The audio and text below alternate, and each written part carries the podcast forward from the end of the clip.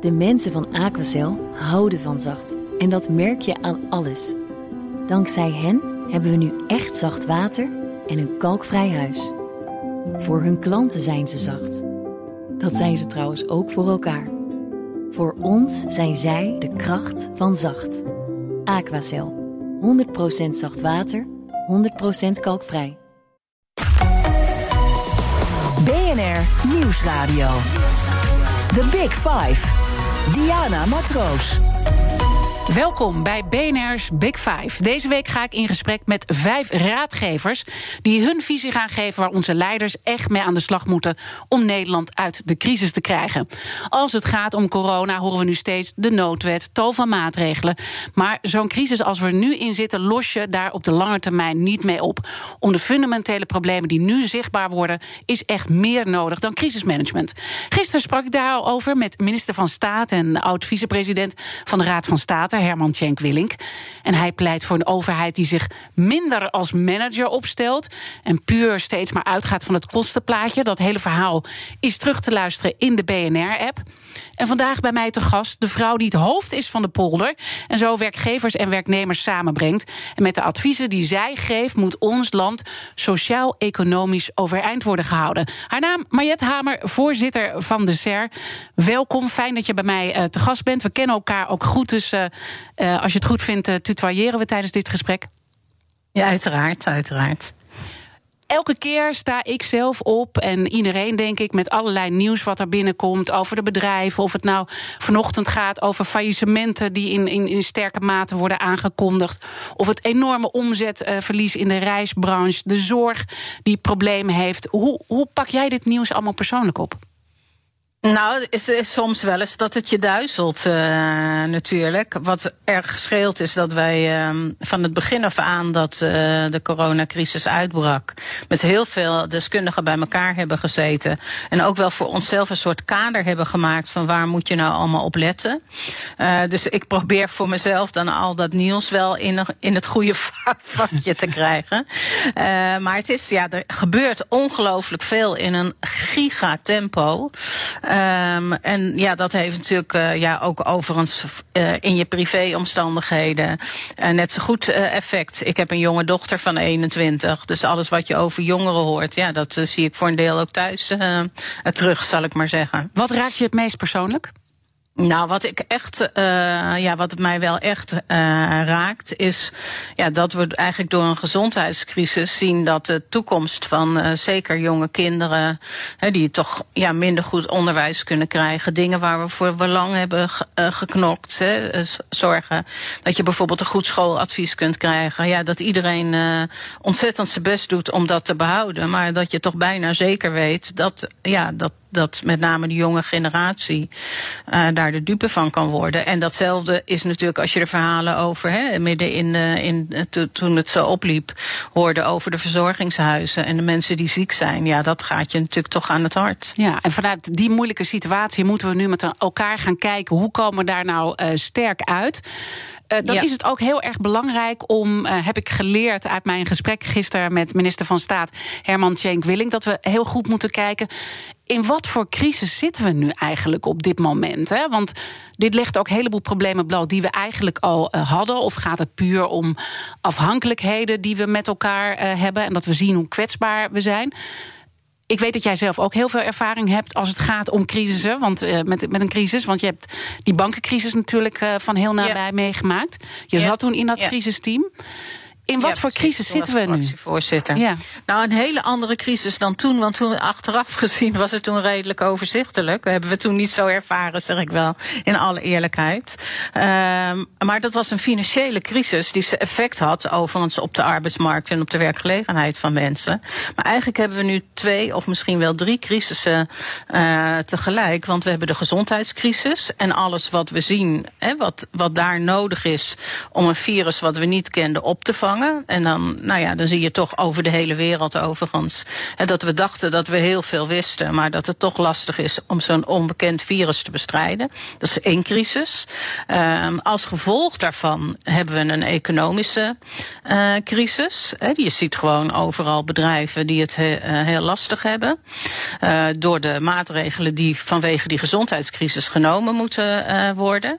En een derde waar ik erg bang voor ben, is dat je uiteindelijk ook een sociale crisis krijgt. Um, en daar begin je langzamerhand de eerste tekenen van te zien. Omdat de ene groep het beter kan opvangen uh, dan de andere groep. Uh, je hoort generaties tegenover elkaar komen te staan. Hè. Die discussie leidt ook op. Moeten de ouderen iets wat doen voor de jongeren? Moeten de jongeren iets doen uh, voor de ouderen? Maar binnen die groepen zijn natuurlijk ook grote verschillen. Want de ene jongere is de andere niet. En dat geldt voor oudere mensen ook. Mm -hmm. En als je dat dan bekijkt, nou ja, hè, als een hele ja. grote zorg, dat sociale vraagstuk. Was dat niet al veel langer aan de hand eigenlijk voor die coronacrisis? En komt dat nu nog duidelijker naar boven? Ja, nou ik zeg eigenlijk voortdurend uh, dat de coronacrisis een vergrootgas legt op eigenlijk alle problemen, maar ook op de agenda, want er was ook een agenda om aan te gaan pakken, uh, die we hadden. Dus je ziet nog meer hoe hard het nodig is dat je aan de tweedeling in de samenwerking uh, werkt. De problemen op de arbeidsmarkt met flexibele arbeid worden harder zichtbaar. Uh, dat we iets aan duurzaamheid moeten doen en hoe lastig dat is. He, dat gaat er eigenlijk een beetje onderweg uh, zien we uh, hoe we in Europa met elkaar omgaan. Op alles wordt eigenlijk een vergrootglas uh, gelegd doordat die crisis is ontstaan. Mm -hmm. En dan uh, moeten jullie adviseren, hè, het kabinet adviseren. En dan uh, zie je dat vooral gezondheid en OMT, die ook samengesteld is met allemaal experts die nou ja, hartstikke veel verstand hebben van zaken, maar echt voor dat medische deel. Ja, hoe moet je dan uh, adviseren als eigenlijk je nu beschrijft hoe breed die vraagstukken zijn en dat het dus gezondheid ver overstijgt? Ja, nou ja, wat ik zelf uh, bedacht heb, we hebben bij uh, de Sociaal-Economische Raad drie partijen, werkgevers en uh, werknemers natuurlijk, dat is bekend. maar we hebben ook een hele grote groep deskundigen, de kroonleden. daar zitten ook mensen bij van andere organisaties, denk aan het CPB, het Sociaal Cultureel Planbureau, de Nederlandse Bank. Um, en natuurlijk hebben werkgevers en werknemers zich de afgelopen half jaar echt ontzettend ingezet om dat goede steunpakket en nu alweer steunpakket 3 ja. uh, met het kabinet te maken. Daar hebben wij natuurlijk op de achtergrond ook in meegedacht. Maar ik heb daarnaast nog iets anders vanaf het begin af aan gedaan. Ik dacht, ik moet al die deskundigheid die ik in huis heb, of waarmee ik samenwerk, hè, bijvoorbeeld de Wetenschappelijke Raad voor het Regeringsbeleid, of de Onderwijsraad of de Gezondheidsraad, ja. daar werken wij veel mee samen. Ik dacht, dat moet ik allemaal bij elkaar halen. Uh, want anders gaan we allemaal apart zitten kijken. Dat is zonde van on onze energie. Dat kunnen we beter met elkaar doen. Dus ik heb een denktank ingesteld. Ja. Nou ja, en toen in de Tweede Kamer eigenlijk het vraagstuk uh, ging spelen van ja, moeten er meer mensen mee gaan kijken? Uh, toen was de minister-president eigenlijk heel blij, want hij dacht, oh ja, Mariette heeft die denktank al. Uh, kunnen we dat niet snel ja, En jullie worden dus ook betrokken, hè? Dus jullie geven gevraagd ja. en ongevraagd advies. Ja. Toch in de samenleving, in het bedrijfsleven, en we zijn natuurlijk ook een ondernemende zender bij BNR, wordt dat heel vaak niet zo gevoeld. Aan de ene kant is er blijdschap, hè? Uh, er zijn allerlei steunpakketten en, en fantastisch dat daar allerlei zaken worden geregeld. Maar aan de andere kant uh, is ook wel de ervaring van ja, de, de hele aanpak is zo vanuit gezondheidsperspectief uh, vormgegeven. Dat met alle respect ook voor, voor jullie adviezen, dat wordt niet zo gevoeld door het bedrijfsleven. Nee, dat snap ik wel. Maar ja, die, die, die maatregelen die genomen moeten worden voor, voor de gezondheid, ja, daar begint het toch wel mee. Als we allemaal besmet raken, uh, ja, moet je ook niet aan denken. Dus ik snap heel goed de emoties die mensen hebben als bijvoorbeeld horeca die uh, dicht moet of uh, op een andere manier moet werken.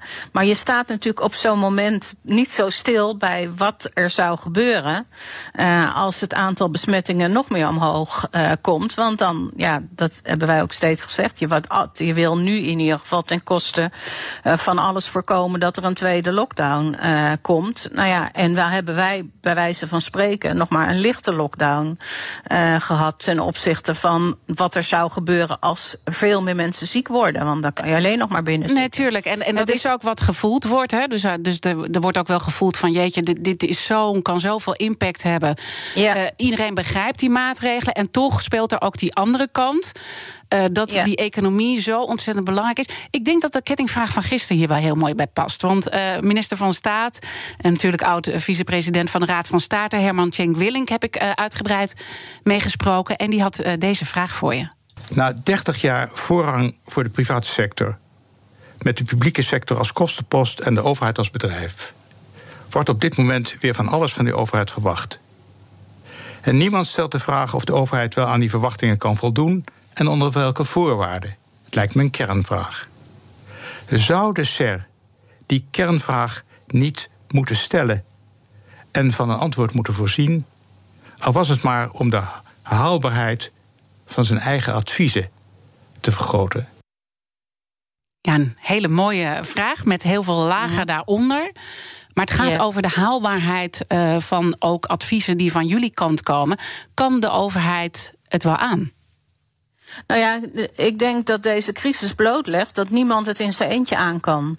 dus de overheid moet een aantal dingen doen. Doet overigens ook meer. Toch even als je kijkt naar die steunpakketten. Dit is, dit is bijna onvoorstelbaar. Als jij mij een half jaar geleden had gevraagd uh, of het kabinet uh, en de politiek en de Tweede Kamer het eens zouden worden om zoveel geld eigenlijk uit te geven om, om bedrijven in stand te houden, om werknemers een baan te laten houden, dan had ik je bij wijze van spreken niet geloofd. Want we komen uit een discussie, daar refereert, uh, denk ik, Herman Tjenk Willink ook aan, waarin het veel meer ging over bezuinigen en korten op de overheidsdiensten. Nou, eigenlijk wordt er een giga-omslag uh, ingemaakt. Dus we kunnen het niet zonder de overheid. Maar de overheid kan het ook niet zonder al die private partijen. Hè. Daarom is denk ik zo belangrijk dat werkgevers en werknemers zo goed betrokken zijn. Maar ook de wetenschappers en ook ideeën. Wij krijgen heel veel ideeën van burgers zelf. Die proberen we ook te honoreren als daar uh, belangrijke voorstellen uh, bij zitten. Dus ik denk dat we in een samenleving terecht zijn gekomen waar niemand het meer alleen kan. En dat geldt nog eens te meer, omdat dit geen nationale crisis is, maar een internationale crisis. Dus we zullen echt met mm -hmm. Europa samen uh, moeten werken. Ook weer met die ja. de Europese overheid en al die partijen. He, omdat dus we dus is, dat niet alleen kunnen. En dan vraag ik me toch nee. af: uh, moet ja. het bedrijfsleven, want we horen nu uh, bedrijfsleven, nou ja, maakt gebruik van allerlei regelingen. Ehm, tegelijkertijd hoor je aan alle kanten reorganisaties. ook, ook, ook bij ons trouwens bij BNR uh, speelt dat natuurlijk. Ja. En, en uh, tegelijkertijd. Uh, moet het bedrijfsleven niet ook meer terug gaan doen voor de maatschappij? Als je bedenkt nou ja, dat, dat, de overheid dat, het niet dat, alleen kan. Nee, precies. Nou ja, dat is waar wij natuurlijk uh, bij uitstek een beroep op het bedrijfsleven ook doen. Overigens, uh, zij zelf doen daar uh, in de CER natuurlijk actief aan, aan mee. Um, en ja, ook daar zitten natuurlijk weer verschillende lagen. Kijk, bij al die reorganisaties moet je heel goed toch kijken. En ook, denk ik, bedrijven erop aanspreken. Wat doe je nou als gevolg van corona? Um, en wat doe je wat je eigenlijk stiekem toch van plan was? Um, en dat laatste is natuurlijk niet de bedoeling. Het is is wel echt de bedoeling van al die maatregelen. Uh, dat het ertoe bijdraagt dat werknemers in dienst kunnen blijven. Um, en dat we zeg maar zorgen dat mensen zoveel mogelijk uh, uh, van baan naar baan kunnen als dat echt niet meer kan. En dat zoveel mogelijk bedrijven die levensvatbaar zijn overeind blijven. Dus dat gesprek moet je zeker met elkaar aangaan. Ja. The Big Five. Diana Matroos. Deze week praat ik met vijf kopstukken die onze leiders in tijden van crisis raad kunnen geven. Ook vooral voor die langere termijn. Mijn gast is SER-voorzitter Mariette Hamer. En uh, je vertelde al eventjes, uh, Mariette, dat je een uh, corona-denktank in het leven hebt geroepen. om nou ja, gevraagd en ongevraagd advies te geven aan het kabinet. Daar zitten kroonleden in, maar ook partijen zoals het Centraal Planbureau, SCP, het CBS. En je zei al, eigenlijk jouw grootste zorg, als ik het zo hoor, zijn de jongeren. Ja, zeker. Ja. Dus de, de, de, zeg maar de generatie die nu uh, op school zit, van school afkomt uh, of net op de arbeidsmarkt zit, ja, die hebben natuurlijk echt uh, al in hun jonge leven veel meegemaakt. Hè. De meesten zijn naar de middelbare school gegaan toen het de nasleep van de vorige crisis er was. Dus die hebben gehoord, ja, je krijgt geen werk. Vervolgens zijn ze uh, door gaan leren op het MBO of op het HBO of op de universiteit en daar ongeveer afgeplukt, uh, omdat we tekorten hadden op de arbeidsmarkt en zijn in tijdelijke banen meestal terechtgekomen die nu weer verdwijnen. Um, nou ja, we hebben een stelsel van studiefinanciering uh, waardoor jongeren eigenlijk in hun studietijd veel schulden uh, oplopen in de verwachting dat ze dat later, doordat ze goed werk krijgen, makkelijk kunnen aflossen. Ja, die zekerheid die is er uh, niet meer. dus ehm, we zien ook dat de woningmarkt, die al een knauw had, nog een extra knauw heeft gekregen. Dus betaalbare woningen zijn er eigenlijk niet. En wij hebben vorig jaar in een rapport, dat was al voor corona, al gezegd, we zien dat heel veel jongeren belangrijke keuzes, het krijgen van kinderen, op jezelf gaan wonen, dat die die uitstellen. Ja, en dat wordt alleen maar meer. Dus dat wordt, ja, dat is voor die generatie. Ja. Is dat gewoon heel erg een, uh, pijnlijk? Ja, precies. En tegelijkertijd uh, ja, hoor je ook wel geluiden van. Um, ja, ik, ik, weet zelf, je, hebt, je vertelde zelf, je hebt een, uh, een, een kind, 21 geloof ik. Ja, ja. Uh, ik heb uh, zelf ook twee uh, jongens thuis, 17 en 18. Er wordt ook over die generatie best wel gesproken als een hele verwende generatie, die misschien nog niet zo heel erg veel heeft meegemaakt. Nou ja, dat ben ik dus er niet mee eens. Omdat wat deze generatie eigenlijk al steeds gehoord heeft, uh, is dat ze in de nasleep, uh, zeker voor de generatie van mijn dochter, ja, die heeft echt op school gezeten met het idee: je mag blij zijn als je een baantje vindt. Uh, en zij, maar ook al haar vriendinnen en vrienden om haar heen. dus ze stonden al op hun veertiende bij de schoenenwinkel of in de Albert Heijn met het idee: ik moet een cv gaan opbouwen. dus dat beeld van een verwende generatie herken ik eerlijk gezegd gezegd niet zo. En wij hebben hier een jongerenplatform. Uh, dus we hebben daar ook uh, met hun enquêtes over gedaan. En daar komt ook helemaal dat beeld uh, niet uit. Ik denk dat het een generatie is die in jonge op jonge leeftijd nu opeens heel veel veranderingen, uit een crisis komend. Ja. Dan vervolgens gaat het opeens heel goed. Je hebt een geweldig toekomstbeeld en dan is het opeens weer weg.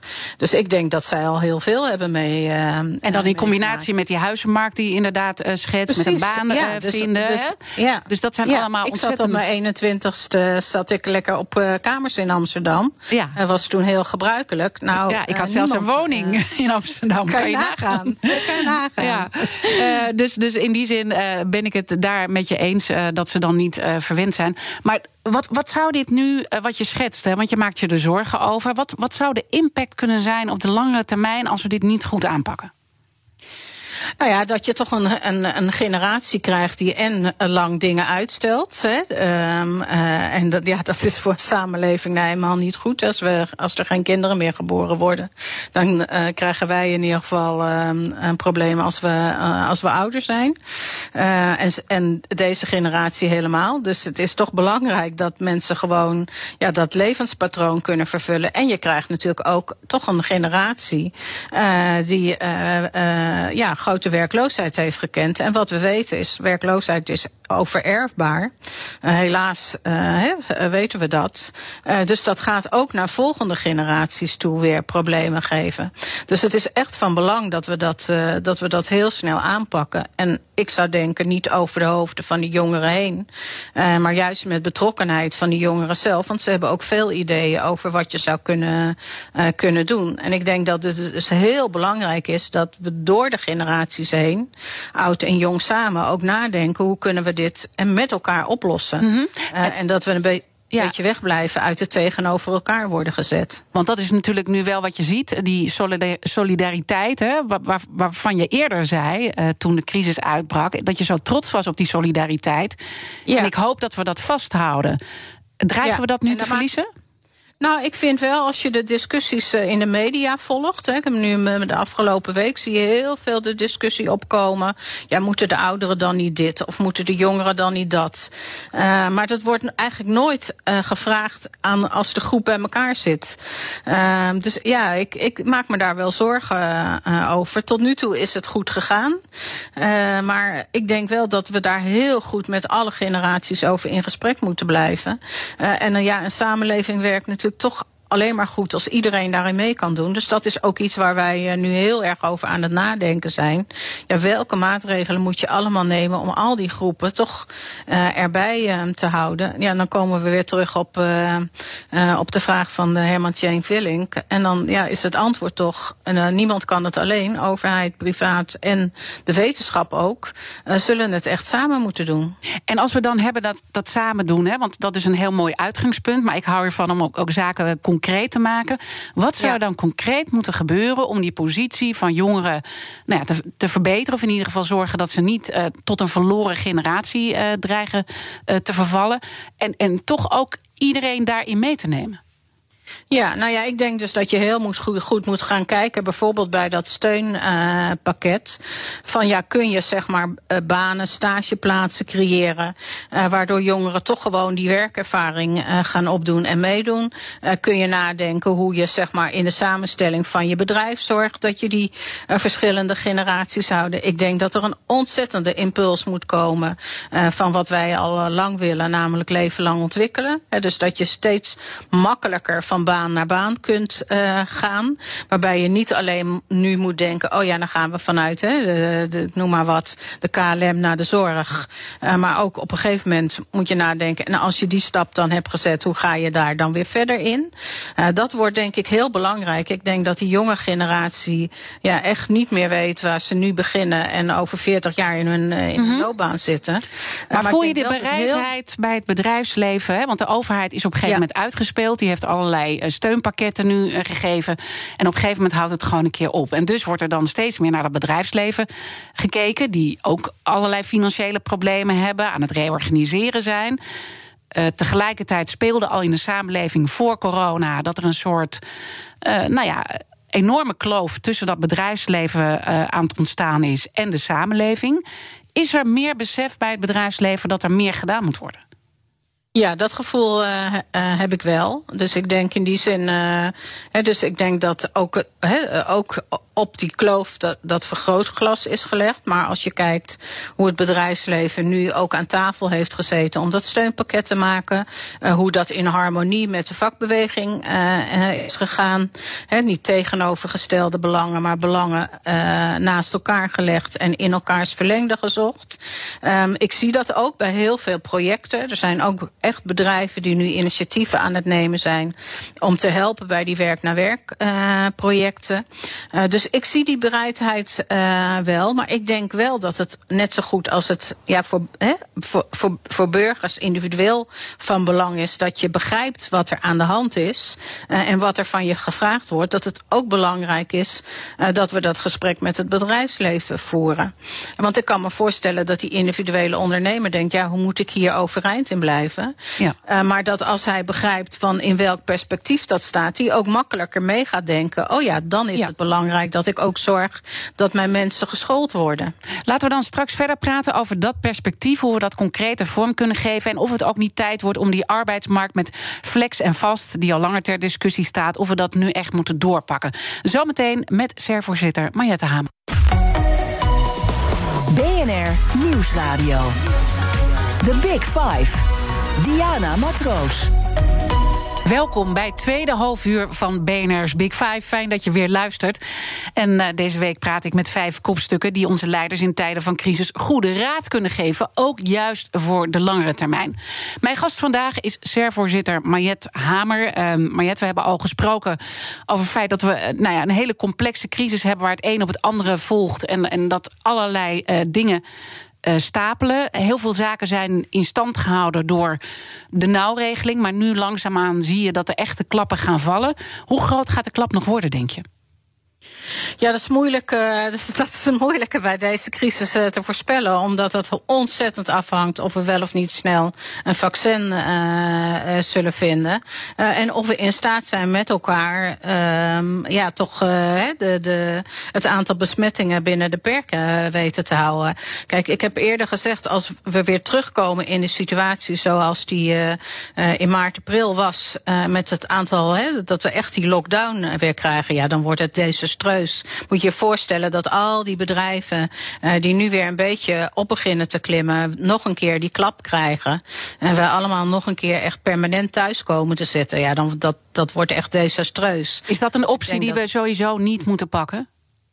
Nou ja, we, kijk, op een gegeven moment moet je hem pakken als het aantal besmettingen zo hoog wordt. Maar ik denk dat de urgentie, dat je eigenlijk niet met z'n allen niet van de daken moet, hè, moet je schreven, dat, ja. uh, dat we dat moeten zien te voorkomen. En dat hebben we voor een deel zelf in de hand, dus daar kunnen we iets aan doen.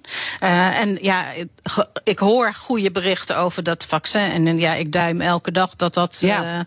uh, snel mag komen. Ja, da dan intussen vallen de klappen. En ja, alle voorspellingen ja. zijn toch wel echt dat die, dat die klappen groter gaan worden. Precies, er gaan sowieso klappen komen. Ja. Als dat je vraag is, ja, ja. gaan zeker klappen, en, uh, klappen komen. En die zie je ook al. En je ziet ook, hè, we hebben, dat merk ik zelf ook bij een aantal uh, organisaties, of het nou in de cultuur is, of in de zorg, uh, of in het bedrijfsleven. En je ziet dat iedereen tot die zomer eigenlijk heeft geprobeerd het uit te stellen.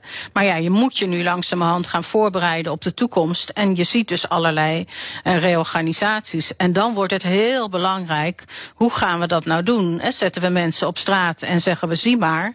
Of ben je in staat, omdat er ook sectoren zijn waar het juist veel beter is gegaan de afgelopen periode, waar juist werk nodig is. Uh, en er ook al sectoren waren, denk aan de zorg en het onderwijs, waar, waar al een tekort was aan mensen. Ja, zijn we in staat om mensen op een goede manier er daarheen te brengen? En daar zal ook weer iedereen zijn steentje aan bij moeten dragen.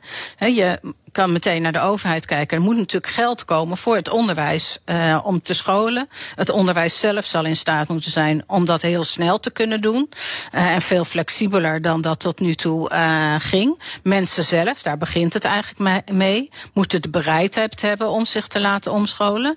En werkgevers moeten ook bij zo'n reorganisatie kijken. Ja, hoe ga ik zorgen dat ik mensen daar wel de tijd en de ruimte voor geef? Dus dat is echt een samenspel van mm -hmm. al die partijen. Maar, maar, maar dan toch even heel concreet, want als je het hebt over omscholen, nou ja, dat kan een oplossing zijn om mensen toch aan het werk te houden van de ene sector naar de andere sector.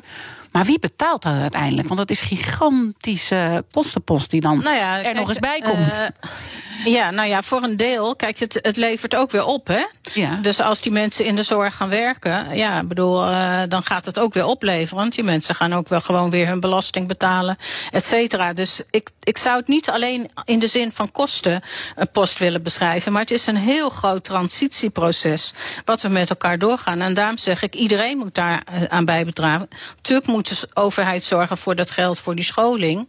Uh, maar werkgevers moeten ook zorgen dat mensen de tijd hebben om dat uh, mm -hmm. te doen. Maar is dan toch dat je steeds meer het beroep gaat doen op het bedrijfsleven om uh, meer te gaan doen uh, voor de maatschappij, waar je nu toch de reflex ziet dat er heel veel wordt gereorganiseerd en uh, bezuinigd? Ja, maar er wordt natuurlijk, daarom zei ik in het begin al, je moet even het onderscheid maken, dat is wel belangrijk. En daar moeten we natuurlijk ook heel erg goed op gaan letten. Wie moet nu reorganiseren omdat hij het anders niet volhoudt? Of wie is aan het reorganiseren omdat hij het tegen de laagste prijs wil doen? Dat laatste willen we natuurlijk niet. Want dat, hè? En speelt dat wel? Nou, dat, dat durf ik zo niet te zeggen. Uh, maar daar moeten we, dat moeten we wel onderzoeken. Dus dat is ook natuurlijk wat randvoorwaardelijk uh, heel goed in die regelingen uh, moet zitten. maar ik zie ook heel veel bedrijven. En ook overigens niet alleen bedrijven. Denk ook aan de hele cultuursector. Ja, daar moet, daar moet je wel inspelen. Als je lege zalen hebt, kan je niet iedereen in dienst blijven houden. En hoe ga je dat nou zo doen dat het niet ten koste van de mensen gaan die er werken. En dat ze echt goed naar, uh, kunnen omscholen naar een baan die er wel is, waar ook hard uh, nodig is. Hè. Denk maar aan de zorg. Ja, daar hebben we echt giga mensen tekort. Ja. Onderwijs ook. Hè. Stond gisteren ook weer in de, krant, uh, in de, in de krant. Ja, leraren tekorten. Leraren tekort hebben. Ja. Dus dat, ja, dat is een giga-operatie. En ja, ik zou zeggen, laten we nou niet naar elkaar gaan zitten wijzen. Maar het echt met elkaar oppakken. En dat begint ook bij mensen zelf, zeg ik dan maar. Want je moet ook de bereidheid hebben om je te willen willen omscholen. Want anders lukt ja. het überhaupt helemaal Nou ja, niet. je moet ook de bereidheid eh, willen hebben om jouw kind eh, eh, les te laten krijgen van iemand die een standbouwer is geweest in de evenementenbranche. Nou ja, dus dat kan ook niet zomaar. Nee. Dus je moet echt, daarom zeg ik, het is een gigatransitieproces waarin we ook zullen vragen van de opleidingen om veel sneller dan anders te zorgen dat mensen mee kunnen lopen, dat ze die kennis kunnen krijgen. Je zal ook niet meteen als je de zorg in gaat IC-medewerker kunnen worden, maar misschien kun je wel andere eh, dingen doen. Daar zullen we echt heel creatief met elkaar, Mhm. en met al die partijen die daar verstand van hebben, eh, een plan voor moeten gaan maken. En maar dat gelukkig- plan moet nog gemaakt worden. Nou ja, dat wou ik zeggen. Gelukkig ehm, is er ook al. Hè, wij hebben zelf bij de CERN een eh, aanjaagteam leven lang ontwikkelen. We hebben het laatste paar jaar goed eh, in de kaart gekregen wat er al gebeurt. En er zijn gelukkig al heel veel initiatieven genomen, omdat al een aantal problemen speelden. Er waren al tekortsectoren.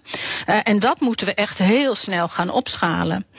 Oké, dus heel snel gaan opschalen. Maar, maar is die, want Ja. jullie praten met iedereen, eh, is, is dat mogelijk? Ik bedoel. eh, ja, want ik het is mooi om te roepen, maar, maar kan het? Ja. Ja, Ja. ja. ja dat is dan, ik denk het moet mogelijk zijn. Ja. Het, we kunnen het ons niet permitteren dat het niet mogelijk Nee, is. maar je spreekt met al Laat die belangrijke mensen hè? En, Ja. en, en, en met Ja. al die belangrijke sectoren. Dus merk je Ik dat daar dat echt kan. al de houding is? ja. Ja, ik denk dat, het, dat dit het momentum is. Mhm. Dus we hangen daar al heel erg lang. Ik, hè, ook toen ik in de politiek zat, werd er al over omscholing en bijscholing en leven lang ontwikkeld gepraat. En het is heel lang bij praten, praten gebleven. Nou, ik heb de laatste paar jaar gezien dat er in de regio's, in de sectoren, bij de ONO-fondsen veel initiatieven zijn genomen. En ik denk dat dit het moment is om met elkaar heel snel door te pakken. Onze gasten stellen elkaar vragen. We- Je hebt net zelf al een vraag eh, beantwoord middels de ketting vragen. Jij mag weer een vraag stellen aan mijn gast van morgen. Dat is Marcel Levy, CEO van Ja. University College London Hospitals. En hij is natuurlijk een echte kenner van de zorg. Wat zou je vraag aan hem zijn? Nou, ik heb wel een, een vraag eigenlijk in het verlengde van waar we het net over hadden. Eh, want wat wij, we hebben net een groot advies uitgebracht eh, eh, over de zorg. Waarbij overigens ook heel veel mensen die in de zorg we- werken aangeven. dat ze eigenlijk meer zeggenschap zouden willen hebben over hoe ze hun werk inrichten. Dat zie je eigenlijk dwars door alle verschillende type zorgverleners heen. Of je het nou over de ziekenhuizen of, of de ouderenzorg of de wijkverpleging hebt. Iedereen zegt we zouden meer zeggenschap meer invulling willen geven uh, aan hoe wij het zouden moeten doen en minder papierwerk. Uh, dat is een ding wat steeds voorkomt. Maar wat we in die zorg ook zien, is dat er gaan veel mensen komen erin, maar ze gaan er ook weer heel snel uit. Uh, omdat het toch niet bevalt op de een of andere manier. Dus mijn vraag aan hem zou zijn, is hoe kunnen we nou, als we zorgen nu voor een nieuwe instroom in de zorg, hoe kunnen we mensen ook echt behouden? En wat is daarvoor nodig? Uh, en er speelt nog iets anders mee, is misschien een onderwerp wat jou ook erg interesseert. We zien dat er heel veel in deeltijd wordt gewerkt door vrouwen. En hoe zouden we nou, hè, want als al die vrouwen in die zorg uh, of in het onderwijs meer uren zouden maken, zouden we daar ook problemen mee kunnen oplossen. En wat is er nou voor nodig uh, om dat voor elkaar te krijgen? Oké, okay, twee hele mooie vragen. Die neem ik zeker mee morgen. En uh, straks praat ik met je verder. Maar. BNR Nieuwsradio. The Big Five. Diana Matroos. Je luistert naar BNR's Big Five van de crisisraadgevers. Mijn gast vandaag is SER-voorzitter Mariette Hamer. Mariette, je hebt net een uh, vraag gesteld uh, voor morgen, voor mijn gast. En dat ging uh, heel specifiek over de zorg. Je maakt je zorgen dat die mensen steeds hier in Nederland, hè, als ze binnenkomen, gaan ze heel snel weer weg. En je vraagt eigenlijk advies aan hem van, nou, wat zijn jullie ervaringen? Daar heb je zelf ideeën hoe wij ervoor kunnen zorgen dat mensen langer in de zorg blijven werken onder de goede condities? Nou ja, ik denk dat dat. Uh, er zit natuurlijk een, een, een. Die discussie is volop politiek bezig. Er zit een kant van financiële waardering aan. Maar ik proef ook dat er een, een andere kant van waardering aan zit. En dat, er, ja, dat zeg maar het gevoel van heel veel mensen die in de zorg werken. Uh, toch is dat ze eigenlijk te weinig het werk zo kunnen inrichten. zoals zij denken dat het professioneel uh, nodig is. Um, en ja, dat, dat is altijd een beetje een moeilijk begrip, autonomie in je werk. maar nou ja, dat is ook de WRR heeft dat vrij recent onderzocht. Dat is wel iets wat voor heel veel mensen in, in de zorg speelt. Um, en ook ja, het, het alsmaar moeten registreren en bijhouden, de regeltjes. Ja, kun je dat met elkaar niet zo inrichten dat dat voor mensen gewoon aantrekkelijker wordt. en dat, dat, dat die regels er eigenlijk zijn om te helpen en niet om te belemmeren. Is in die dat zin is denk ook ik zelf een heel ja. belangrijk punt. Want is in die zin de afstand tussen de. Hè, dat is een punt wat uh, Cenk Willink, minister van Staat, gisteren maakte. Uh, de de, de uitholling van de publieke sector. En dat er te veel afstand is gekomen tussen de professional en de overheid. En dat er allerlei controledrift tussen zit. En die, die administratiedruk uh, tussen zit. Is dat waar we nu in deze crisistijd juist nu van af moeten? Uh, ja, dat denk ik wel. Ik denk dat dit eigenlijk wel een moment is. Dat hoor je misschien als rode draad wel een beetje door mijn verhaal heen. Dat we elkaar serieus gaan nemen. Uh, en dat we elkaar niet de maat gaan zitten nemen. Niet uit de politiek naar de publieke sector. Niet vanuit, vanuit het bedrijf naar de politiek. Maar dat je elkaar echt serieus en gelijkwaardig neemt. en kijkt hoe je met elkaar op een, een manier waar ook je, op je uitgaat van de verantwoordelijkheidsbesef van iedereen. de problemen gaat aanpakken. Uh, en dat betekent ook, dat is denk ik ook waar uh, Cenk Willink op wijst. We komen natuurlijk uit een periode uh, waarin uh, het gevoel is, of dat altijd qua cijfers helemaal klopt, is de vraag. Maar in ieder geval is het gevoel heel sterk dat er flink is geknepen in die publieke sector. Ja, en dat gevoel moeten we echt vanaf, want dat, anders gaan mensen daar niet meer werken. En ja, je ziet nu juist in deze crisis hoe hard die publieke sector nodig is. Ja, Wat zouden we zijn zonder onze agenten, onze leraren en onze verplegers? Dus dit is eigenlijk, uh, nou ja, dit is natuurlijk veel breder dan alleen die zorg, uh, zeg je ook uh, terecht. En, en daar moeten we echt nu yeah. een verandering yeah. in aanbrengen. Yeah. Maar, maar hoe, hè, want ik, ik hoor steeds, we moeten elkaar serieus nemen. Maar hoe gaan we dat nou concreet vormgeven. Ik bedoel, ik zoek niet van wat moeten we morgen anders doen, want dat is een beetje te makkelijk. Maar ik zoek toch meer naar een concreter niveau, yeah. hoe, we, hoe we dan dat meer samenbrengen en elkaar serieus gaan nemen als je eigenlijk. Nou ja, nou ja maak zegt, een plan, hè? Dus maar, ja. De, de, ja. Ja. Nou ja, dus dat betekent, hè, dus ik, noemde al dat begrip zeggenschap. Praat met elkaar uh, op allerlei niveaus. Dat betekent in, in, zowel op de werkplek, maar ook in de politiek. Praat met elkaar. En daar proberen wij natuurlijk vanuit de SER ook echt een rol in te spelen. Werkgevers, werknemers, overheid, andere partijen, iedereen die er verstand van heeft. Maar ook de betrokkenen zelf. Uh, de mensen uit die beroepen. Praat met elkaar en los het op zo'n manier op. of hè, maak zo'n omscholingsplan dat het, dat het zeg maar niet een hoog over mm -hmm. iets is, maar dat mensen echt het gevoel hebben: hier heb ik iets aan. En waar ik nou, nou zo bang voor ben, uh, Mariette, waar ik zo bang voor ben, ja? ik bedoel, jij kent die politiek ja? natuurlijk als je binnenzak. Uh, die verkiezingen zijn op komst en dan ja. zeg je elkaar niet de maat nemen, maar ja. Uh, de, je, je, kan ongeveer al zien aankomen dat dat dus wel gaat gebeuren. Want het gaat er uiteindelijk om welke partij komt er het sterkste uit. Ja, precies. Maar dat, dat is eigenlijk dan wel een beetje een hartekreet van mij. Kijk, er kunnen twee dingen gebeuren. Iedereen gaat in verkiezingstijd de allerlei beloften doen. En dan komt er een formatie en dan komt er een heel ander plaatje uit. Ik denk dat dan de teleurstelling voor de burgers in de politiek uh, echt helemaal weg is. Dus ik zou wel echt de waarschuwing uh, willen afgeven. Ga niet alleen beloven, maar maak het concreet. En zorg ook dat het uitgevoerd uh, kan worden en dat het realistisch is. Is uh, één ding. En het tweede, ik denk, nou daar hebben we eigenlijk al een beetje een voorbeeld van gezien van de zomer. Ja, als de politiek over de hoofden heen van mensen gaat ruzien met elkaar. Hè, kijk maar even naar dat debat waar de ene Kamerlid dan het uh, gevoel had dat hij weg moest lopen omdat hij in een oneigenlijke stemming wordt getrokken. En de andere denkt, ja, hij moet hier gewoon blijven. Daar begrijpen mensen echt helemaal niks van. Uh, en daar komt echt een verkeerd beeld uit. Dus ik hoop, nou ja, ik gelukkig hebben veel politici gezegd dat hebben we niet goed gedaan. -hmm. Dat we dat soort tafereelen gewoon niet hebben.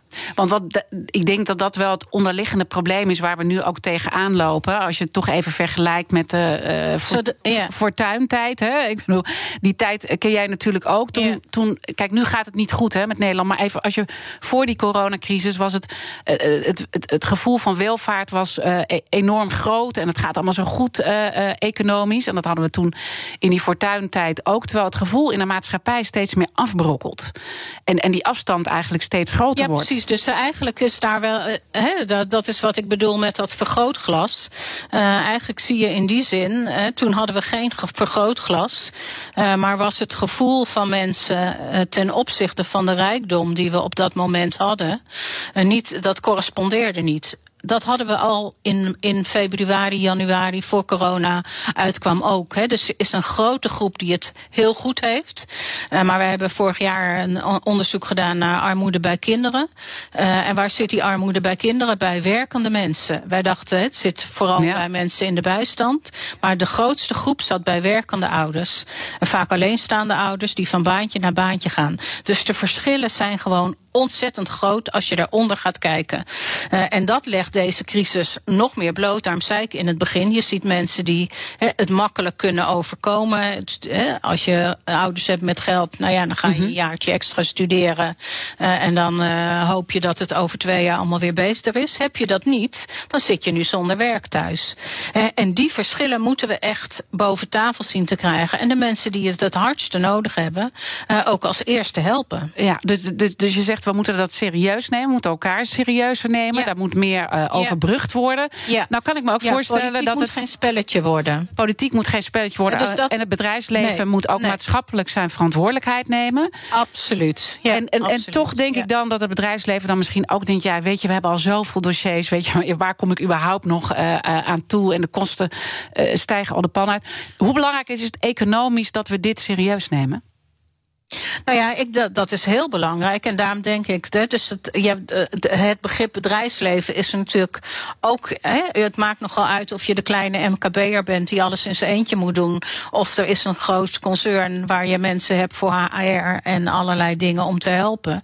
Uh, dus ik denk dat met name ook bijvoorbeeld aan dat MKB, waar toch heel veel werkgelegenheid zit, dat het ook belangrijk is. Hè. Dus ik weet dat er bijvoorbeeld een ondernemerscomité MKB is, wat een hulplijn wil gaan instellen voor MKB'ers om ze te helpen. Nou, ook dat soort dingen zijn belangrijk.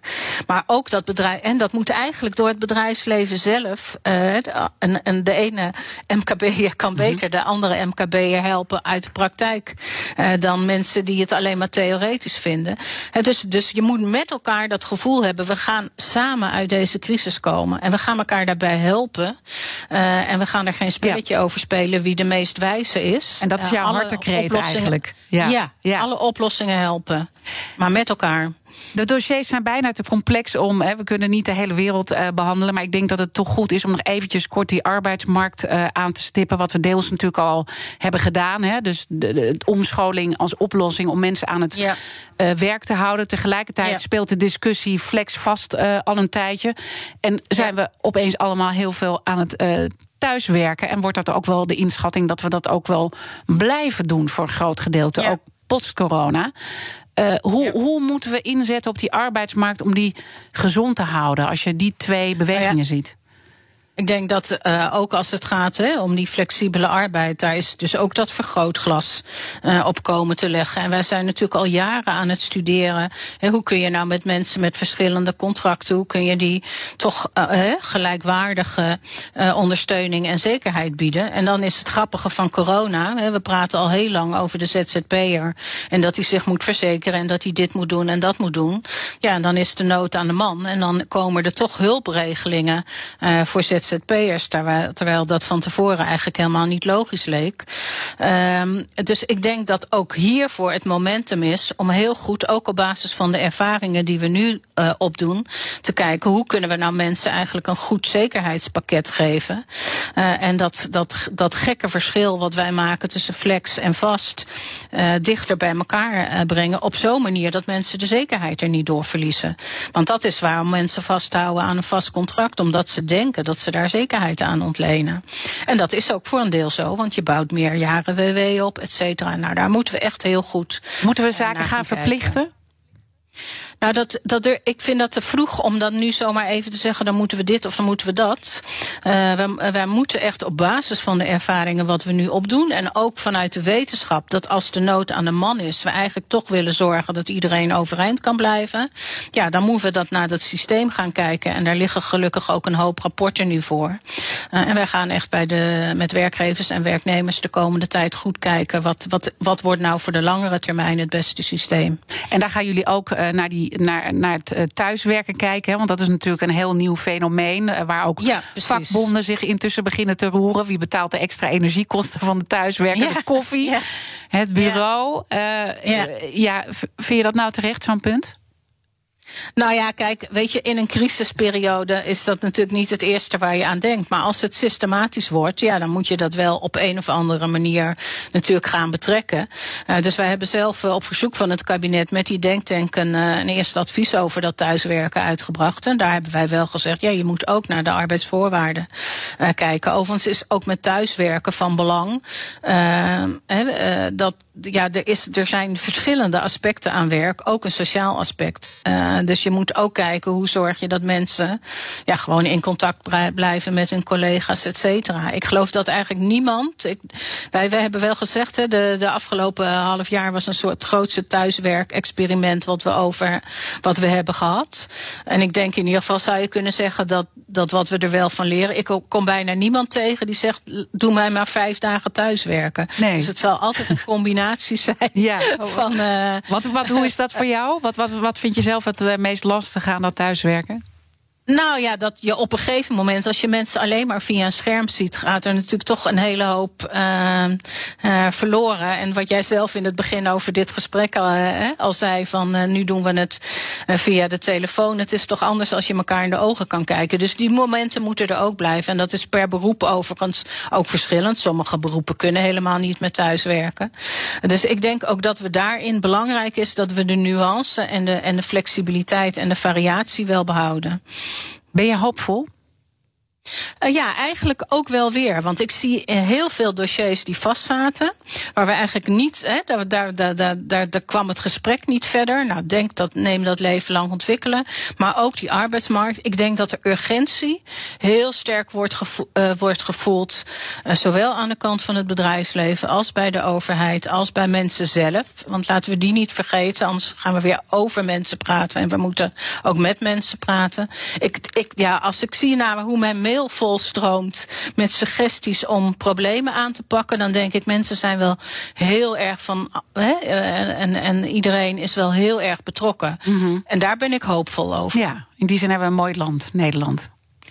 Ja, precies. Zijn we toch uiteindelijk mensen die het met elkaar. Hè? Je hoeft het niet altijd eens te zijn, maar we willen het wel samen aanpakken. En dat is denk ik echt heel belangrijk. Dank voor dit gesprek, SER-voorzitter Mariette Hamer. En natuurlijk zijn zoals altijd alle afleveringen van BNR's Big Five terug te luisteren. Je vindt de podcast in de BNR-app en op bnr.nl. Morgen ben ik er weer, dan zoals gezegd met Marcel Levy... gaan we helemaal de zorg bespreken, want hij is echt een kenner op dat punt. Maar uh, uh, natuurlijk is BNR de hele dag live. Straks Jurgen Rijman met Ask Me Anything. En ik wens iedereen een hele mooie dag. De mensen van Aquacel houden van zacht. En dat merk je aan alles. Dankzij hen hebben we nu echt zacht water en een kalkvrij huis. Voor hun klanten zijn ze zacht. Dat zijn ze trouwens ook voor elkaar. Voor ons zijn zij de kracht van zacht. Aquacel. 100% zacht water, 100% kalkvrij.